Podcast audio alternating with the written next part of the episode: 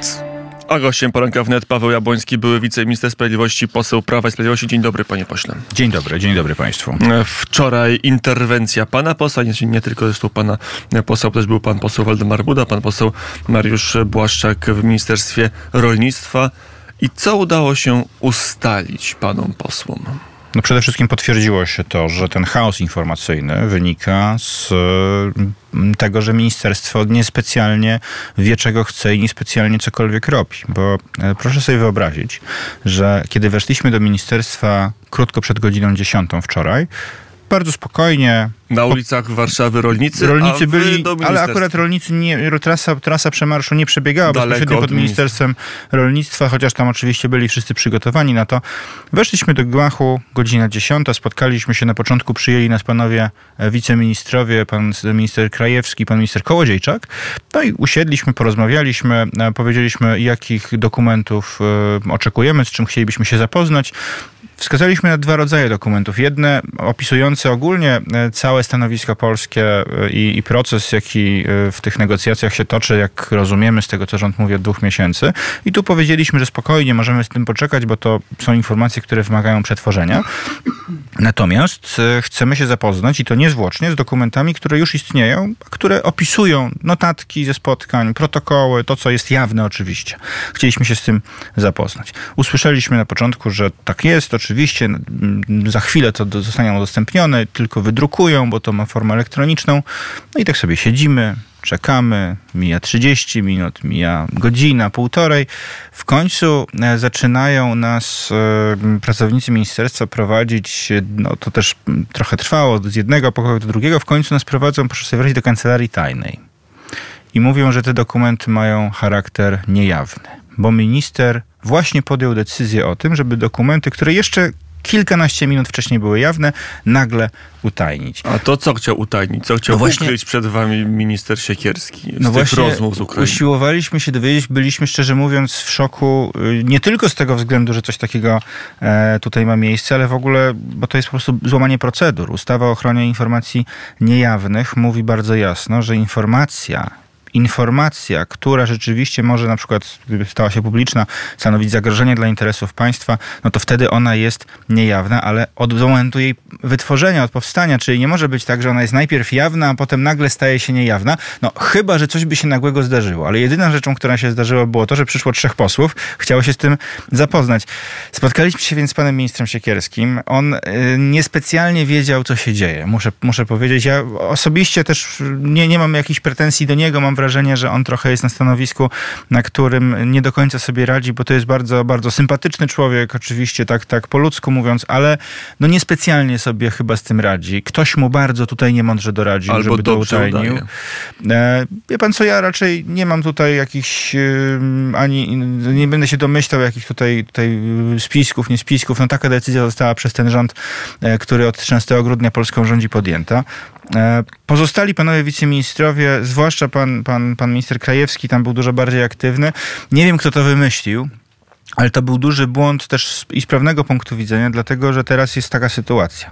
Ta informacja o tych spotkaniach stała się nagle rzekomo niejawna.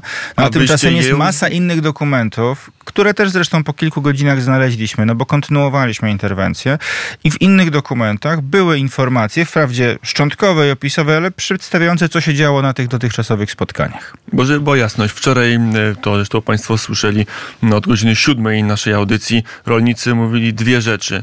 Stop polityce klimatycznej, polityce Zielonego Ładu Unii Europejskiej i stop importowi produktów rolno-spożywczych z Ukrainy. Panowie posłowie chcieli się dowiedzieć, jak te rozmowy z Ukrainą w sprawie zastopowania wyglądają.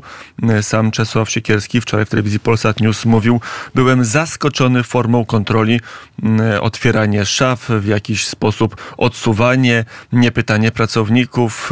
Nie chcemy ukrywać, e, tylko mamy określone ustalenia z Ministerstwem Rolnictwa Ukrainy o formie prowadzenia rozmów. To nie jest ten etap, który pozwala mi dla dobra rozmów wszystko odkrywać, mówi minister to Siekierski. To jest po pierwsze nieprawda, co, co nam się zarzuca, że ktoś tutaj kogoś odsuwał, czy na siłę gdzieś wchodził wszędzie, e, gdzie wchodziliśmy. Robiliśmy to w asyście pracowników ministerstwa. Nie było tak, że ktoś e, używał jakiejś tutaj czy siły, czy przemocy, czy uzyskiwał dostęp do materiałów, które nie były e, przeznaczone do udostępnienia. Wszystko było jawne. I wszędzie byliśmy w asyście pracowników ministerstwa. Na chwilę nie spuszczali z nas oka tak naprawdę. I bardzo dobrze, bo tak to powinno wyglądać. Zresztą duża część tej interwencji była rejestrowana.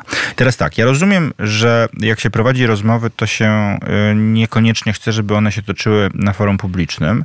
Natomiast jeżeli tak jest, to wtedy wszystkie notatki z tych rozmów od samego początku obejmuje się klauzulą. Choćby klauzulą zastrzeżone, taką najbardziej podstawową, bo to pozwala już w tym momencie powiedzieć, prowadzimy rozmowy, negocjujemy, nie chcemy, żeby coś było ujawniane. Tylko problem polega na czym innym. Bo my już wiemy, jak te rozmowy wyglądają. Te rozmowy wyglądają tak, że strona polska przedstawia pewne postulaty, Ukraińcy mówią natomiast nie, nie chcemy, chcemy rozmawiać tylko i wyłącznie z Unią Europejską i wczoraj w rozmowie z nami pan minister również to przyznał, że tak naprawdę takie jest podejście strony ukraińskiej, a kolejne rozmowy... Czy to Ukraińcy nie chcą z kolejne... Donaldem Tuskiem rozmawiać? Donald. Tusk mówił i w ekspoze i wiele razy indziej, że on znajdzie sposób, żeby asertywnie zmusić Ukrainę do rozmów, do kompromisów w tej No sprawie. wygląda właśnie na to, że niespecjalnie Ukraina y, tutaj ma jakąkolwiek wolę rozmów z Polską, bo z ich punktu widzenia nie ma takiej potrzeby. Oni oczywiście chcą, żeby ta granica granica została otwarta, ale działają poprzez e, Unię Europejską i naciski przez Unię Europejską na nas mają miejsce. Jeśli chodzi o Donalda Tuska, znaleźliśmy też dokument sygnalizujący dość dziwną sytuację. Otóż e, przygotowanie do rozmowy pana Donalda Tuska, premiera polskiego rządu, ale nie z premierem Ukrainy, tylko z jednym z ukraińskich ministrów, więc też jakieś przedziwne e, no, niedostosowanie rangi dyplomatycznej ale to kiedy do tego. miałoby to się odbyć? Ta, z, tego dokumentu nie wynikała, y, nie wynikała informacja o dacie, ale materiał jest zatytułowany Przygotowanie do rozmowy pana premiera Tuska z jednym z ukraińskich ministrów, a konkretnie z ministrem spraw zagranicznych. Ale może Tam nie bilateralnie, opis... tylko gdzieś na jakimś forum, na, gdzieś na jakimś w kuluarach jakiegoś dłuższego tak, spotkania. Takie rzeczy się zdarzają, że rozmawia rozmówca z, z jeden nieco wyższy rangą, drugi nieco niższy. Natomiast w tej sytuacji, w jakiej jesteśmy, gdzie premier Ukrainy, pan Szmychal, e, przeprowadza jakieś przedziwne ustawki medialne na tym przejściu na granicznym, wyznacza termin spotkania, potem opowiada, że w Polsce to w ogóle dominacja prorosyjskich sił. I w takiej sytuacji e, postawa rządu, który te rozmowy prowadzi i e, tak mówiąc szczerze, niespecjalnie ma, na, ma to jakiś pomysł, ale też e, nawet ta ranga jest niedostosowana, no to jest coś bardzo, bardzo dziwnego. Co gorsza, usłyszeliśmy, że pewne rozmowy się będą toczyły na poziomie roboczym, ale tak naprawdę rozmowy na dużym politycznym szczeblu zaplanowane są dopiero 28 marca, o więc za miesiąc. minister, wiceminister Kowal, szef Komisji Spraw Zagranicznych Polskiego Sejmu i pełnomocnik rządu do spraw odbudowy Ukrainy. No więc to jest też przedziwna sytuacja, że trwają protesty, sytuacja jest bardzo napięta, a tymczasem rozmowy mają się odbyć dopiero za miesiąc. Możliwe jest że ta teza, która padła w rozmowie sprzed, sprzed godziny, że to jest taktyka na przeczekanie rolników, rzeczywiście właśnie tutaj o to chodzi. Żeby poczekać, żeby mówić, że rozmowy się odbędą, w międzyczasie będą się spotykały jakieś zespoły robocze, nic kompletnie nie zostanie wypracowane, bo Ukraina tego nie chce, bo nie ma też żadnej presji ze strony polskiego rządu. My to powiedzieliśmy też wczoraj bardzo jasno ministrowi Sikierskiemu. Wprowadźcie embargo, nawet nie po to, żeby ono było wprowadzone na stałe na 5 lat do przodu, ale po to, żeby była presja na stronę ukraińską, żeby oni usiedli do stołu, bo na razie oni tego nie chcą, bo nie ma na nich tej presji. My, do, my dokładnie to zrobiliśmy w kwietniu 2023 roku. Najpierw embargo początkowo było nawet na tranzyt, przypominam, bardzo ostre środki, ale to było właśnie po to, żeby zmusić stronę ukraińską do tego, żeby usiadła do stołu i wtedy mogliśmy ponegocjować dalej. Do tego jeszcze wrócimy, ale tutaj zróbmy małą dygresję, bo działania wczoraj pana posła i pana kolegów dwóch z klubu parlamentarnego Prawo i Sprawiedliwość, naszym gościem Paweł Jabłoński, no jest, są oceniane przez pana Michała Kołodziejczaka i nie tylko przez niego w taki sposób. Oni, czyli wy panowie, chcieli zrobić coś, do, coś dobrego dla Kremla.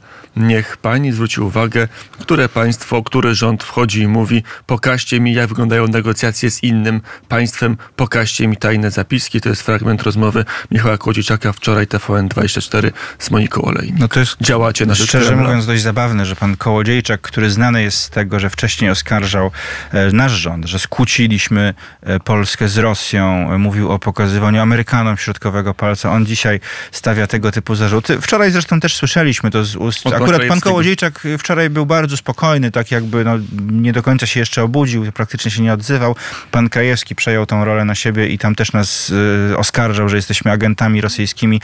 Że torpedujecie tak, rozmowy polsko-ukraińskie tak, Gdybyśmy domagali się dostępu do informacji niejawnych, do tego zresztą też mamy prawo i będziemy prawdopodobnie z tego prawa korzystać, natomiast informacje niejawne pozostają niejawne.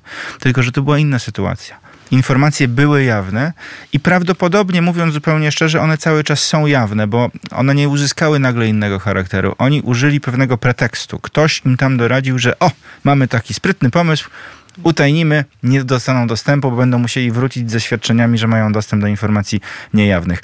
To, to ma bardzo krótkie nogi, także dlatego, że przy tej procedurze prawdopodobnie doszło do naruszenia ustawy. Osoby, które są za to odpowiedzialne, prawdopodobnie będą musiały no, bardzo dokładnie to wyjaśnić, a być może nawet poniosą konsekwencje karne, bo to jest bardzo poważna sprawa. Jeśli się nadużywa przepisów o ochronie informacji niejawnych po to, żeby utrudnić dostęp posłom do informacji, czy komukolwiek, kto jest uprawniony do uzyskania informacji, to jest artykuł 268 kodeksu karnego, za to są konkretne konsekwencje.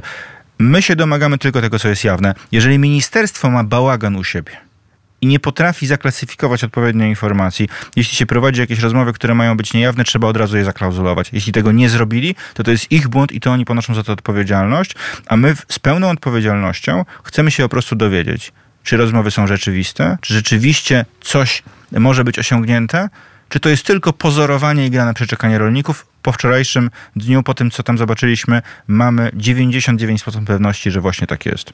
Panie pośle, to w takim wypadku jeszcze wróćmy do dyplomacji. Zarządzał pan, czy współzarządzał polską dyplomacją jako wiceminister spraw zagranicznych w rządzie Mateusza Morawieckiego. Wydawałoby się, że Donald Tusk będzie miał łatwiej z Kijowem niż mieliście wy. Będzie miał wsparcie Berlina, Paryża, będzie miał przychylność Komisji Europejskiej.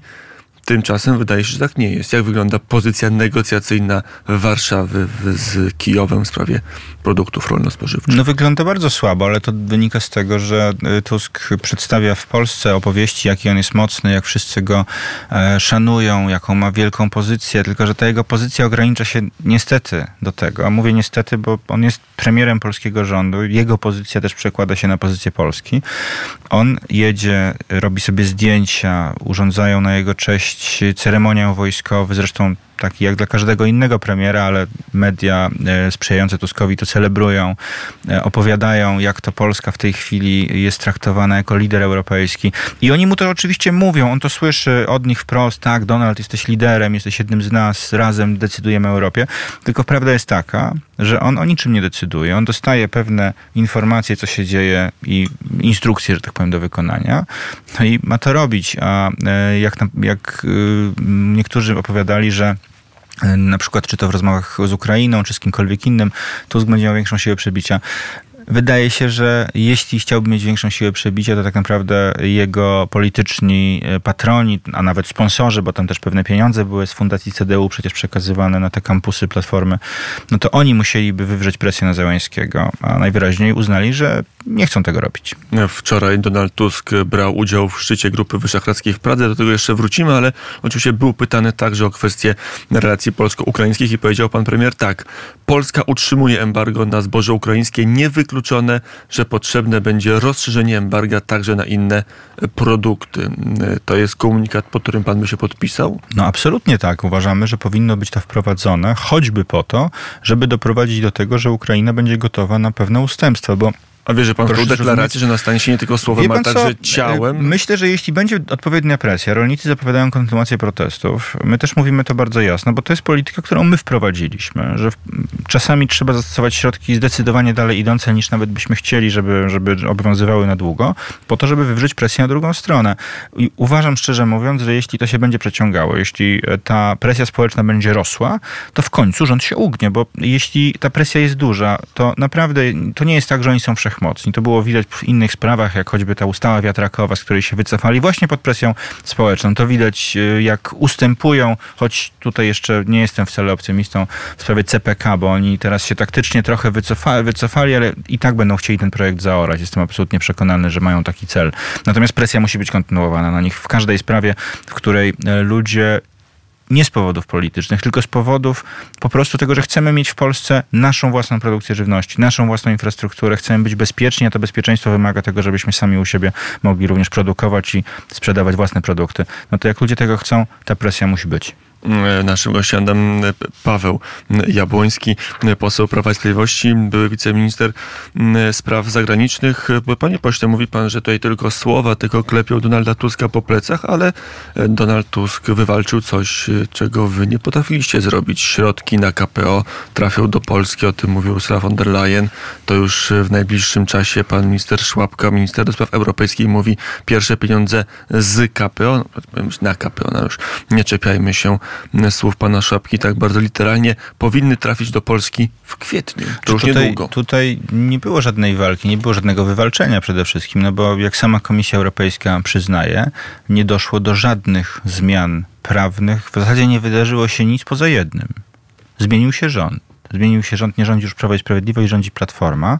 I komisja, no i to jest jasny sygnał do Polaków. Chcecie mieć pieniądze, wybierzcie Platformę. To jest jasny, to sygnał, to jest jasny sygnał, że ta praworządność, o której Unia Europejska tak dużo mówi, instytucje unijne tak dużo mówią, tak naprawdę jest e, po prostu e, instrumentem, a cel jest polityczny od samego początku i to dowodzi tak naprawdę kryzysu praworządności wewnątrz samej Unii. Dlatego, że jeżeli. A nie kryzysu procedura... waszej formacji, że jesteście no, w Unii persona non grata de facto. I to, że nie to dowodzi tego, że siły polityczne, które w Unii rządzą, a to są przede wszystkim liberałowie i lewica, oni mają zdecydowanie, yy, zdecydowany cel, żeby wszystkie rządy z innych formacji, zwłaszcza z tych formacji konserwatywnych, finansowo zagłodzić. Jedna z pań wiceprzewodniczących Parlamentu Europejskiego to powiedziała wprost w kontekście do w kontekście Węgier, ale dotyczyło to także Polski. Więc finansowe zagłodzenie to jest ich cel. Absolutnie wbrew procedurom. Przecież skoro nie zmieniły się żadne przepisy, nie zostały uchwalone żadne ustawy, no to w jaki sposób nagle to, co było wcześniej niezgodne z tak zwanymi standardami europejskimi, nagle stało się zgodne. Dokładnie te same ustawy. Oni we wniosku o płatność wpisali przecież ustawy uchwalone w 2022 roku. No to na, jakim, na jakich zasadach opiera się Unia Europejska? Czy na takich samych zasadach dla wszystkich, czy na różnych zasadach dla różnych krajów, a nawet dla tego samego kraju, tylko dla różnych rządów? No, wychodzi na to, i to jest potwierdzenie tego, co mówiliśmy od wielu lat, że tutaj mamy do czynienia z wykorzystywaniem prawa, zasady praworządności, trójpodziału władzy jako instrumentów w walce politycznej. Mm, panie pośle, dwa tematy bardzo ważne. Kwestia zboża i rozmów z Ukrainą, kwestia pieniędzy na Krajowy Fundusz Odbudowy, ale także funduszy strukturalnych, a teraz na koniec trzeci temat zupełnie innej wagi, wydaje mi się znacznie, znacznie ważniejszy niż dwa pozostałe. Donald Tusk wczoraj w Pradze. Polska nie przewiduje wysłania żołnierzy na Ukrainę ale sama wypowiedź Manuela Macrona, a potem wypowiedź pana premiera Fico, e, to wszystko wskazuje, że coś się dzieje no, nies, niespotykanego, coś bardzo niebezpiecznego, co nam wszystkim umyka, jeśli chodzi o wojnę na Ukrainie. Jak no, to wygląda? Niestety sytuacja jest bardzo poważna, dlatego że Ukraina ma przede wszystkim potężne y, braki, za chwilę je może mieć, bo, bo kończą się im zapasy amunicji, zwłaszcza amunicji. E, Rosja, y, która też nie posuwa się jakoś bardzo do przodu, to też nie jest tak, że Rosja teraz teraz ma jakąś potężną ofensywę, no ale ma potężne zasoby, tą głębię strategiczną, którą znaczy, to, to komunikaty świadczą, jakby zaraz ten front miał pęknąć rozwiązanie, i Rosjanie zaraz rozwiązanie tej sprawy, rozwiązanie tej sprawy w takie, które będzie dla nas korzystne, to znaczy, że Rosja nie, wy, nie wygra tej wojny, że zostanie pokonana, że zostanie wyparta z Ukrainy, cały czas jest możliwe do osiągnięcia, tylko jest jeden warunek. Wola polityczna, ale nie do wysyłania żołnierzy. To nie jest potrzebne i nigdy nie było tak naprawdę, żeby teraz nagle wojska e, państw innych mają się włączyć do walki no to czemu Manuel Macron to powiedział? Ja, szczerze, mówiąc, szczerze, mówiąc, szczerze mówiąc, nie wiem, dlaczego to powiedział. On, jemu się zdarzały różne wypowiedzi, niekoniecznie, niekoniecznie przemyślane w przeszłości. Prezydent natomiast, Francji przypadkowo natomiast, i przez pomyłkę mówi takie rzeczy zdarzały mu, się, zdarzały mu się wypowiedzi chyba nieprzemyślane. Myślę, że to, to nie jest pierwsza i może nawet nie ostatnia. Natomiast Odpowiedź na to jest jedna i konkretna. Trzeba wysyłać Ukrainie broń i amunicję. Jeżeli słyszymy ze strony kanclerza Niemiec, że nie będzie wysyłał tych pocisków Taurus, bo to byłoby włączenie się do wojny. On taki wpis zamieścił, że Niemcy nie będą stroną wojny ani pośrednio, ani bezpośrednio, więc nie wyślą tych rakiet. Jaki to ma sens? To ma sens taki, że oni nie chcą, aby Rosja została pokonana. Dlatego, że wysłanie tego rodzaju broni może doprowadzić do tego, że ona byłaby użyta przez Ukrainę także do walki z celami wojskowymi na terytorium Rosji, a Niemcy tego nie chcą.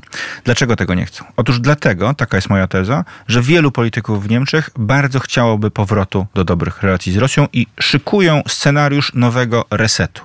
To jest potężne niebezpieczeństwo, że za kilka, kilkanaście miesięcy będą takie głosy nie udało się, trzeba się wycofać, trzeba jakoś z tą Rosją się ułożyć, nawet kosztem Ukrainy i kosztem również Polski, Litwy, Łotwy, Estonii i innych krajów Europy Środkowej. To jest w tej chwili największe wyzwanie dla naszej dyplomacji. Nie żeby tam pokrzykiwać na republikańskich kongresmenów, z którymi, z tego co słyszę, to pan minister Sikorski nawet się nie spotkał jakby w Stanach Zjednoczonych. Też przedziwne, że w mediach ich sztorcuje, ale się nawet z nimi nie spotyka. To zdaniem ministra Sikorskiego pan się powinien, pan się powinien z nimi spotkać, albo prezes Kaczyński, bo nieraz to jest jakiś leitmotiv ostatnich wystąpień e, pana ministra Sikorskiego, że to PiS ma załatwić przepchnięcie przez kongres u, u, uchwały, ustawy, która ma dofinansować Ukrainę. Pan minister Sikorski jest z pewnością bardzo mocno skupiony na swoim wizerunku publicznym i ja nie zaprzeczę, jego I wystąpienia nieźle, publiczne nie, bardzo dobrze wypadają. Mówi, mówi e, oczywiście świetnym angielskim, mówi rzeczy, które są co do, co do zasady, co do treści, ja się z nimi w zasadzie prawie zawsze zgadzam, bo jeśli mówi o, o tym, że trzeba Rosję powstrzymywać, oczywiście, że tak, tylko że z tych słów tak naprawdę nic nie wynika, bo on mówi do ludzi przekonanych. On się spotyka z politykami partii demokratycznej, z administracją Bidena, z mediami, które ich też wspierają i mówi, jacy źli są republikanie, że nie chcą tego czy tamtego zrobić. No przepraszam bardzo, republikanie to jest też siła polityczna, rządzą e, izbą niższą, czyli izbą reprezentantów i z nimi, o ile wiem, też się pan Sikorski miał spotykać, ale z jakiegoś powodu się nie spotkał. Nie wiem, co tam się wydarzyło. Natomiast takie pokrzykiwanie, że teraz to inne partie powinny robić na litość boską. On jest ministrem spraw zagranicznych, rzekomo ma takie świetne e, umiejętności dyplomatyczne, a tutaj nawet do spotkania nie dochodzi. To jest przedziwna sytuacja i bardzo zła sytuacja, dlatego że właśnie no, pokazuje, że to jest po prostu PR, a nie realne działania. Nie sztuką jest ładnie wystąpić i powiedzieć coś, co i tak wszyscy wiedzą, nawet jeśli to później jest 50 tysięcy razy powtórzone.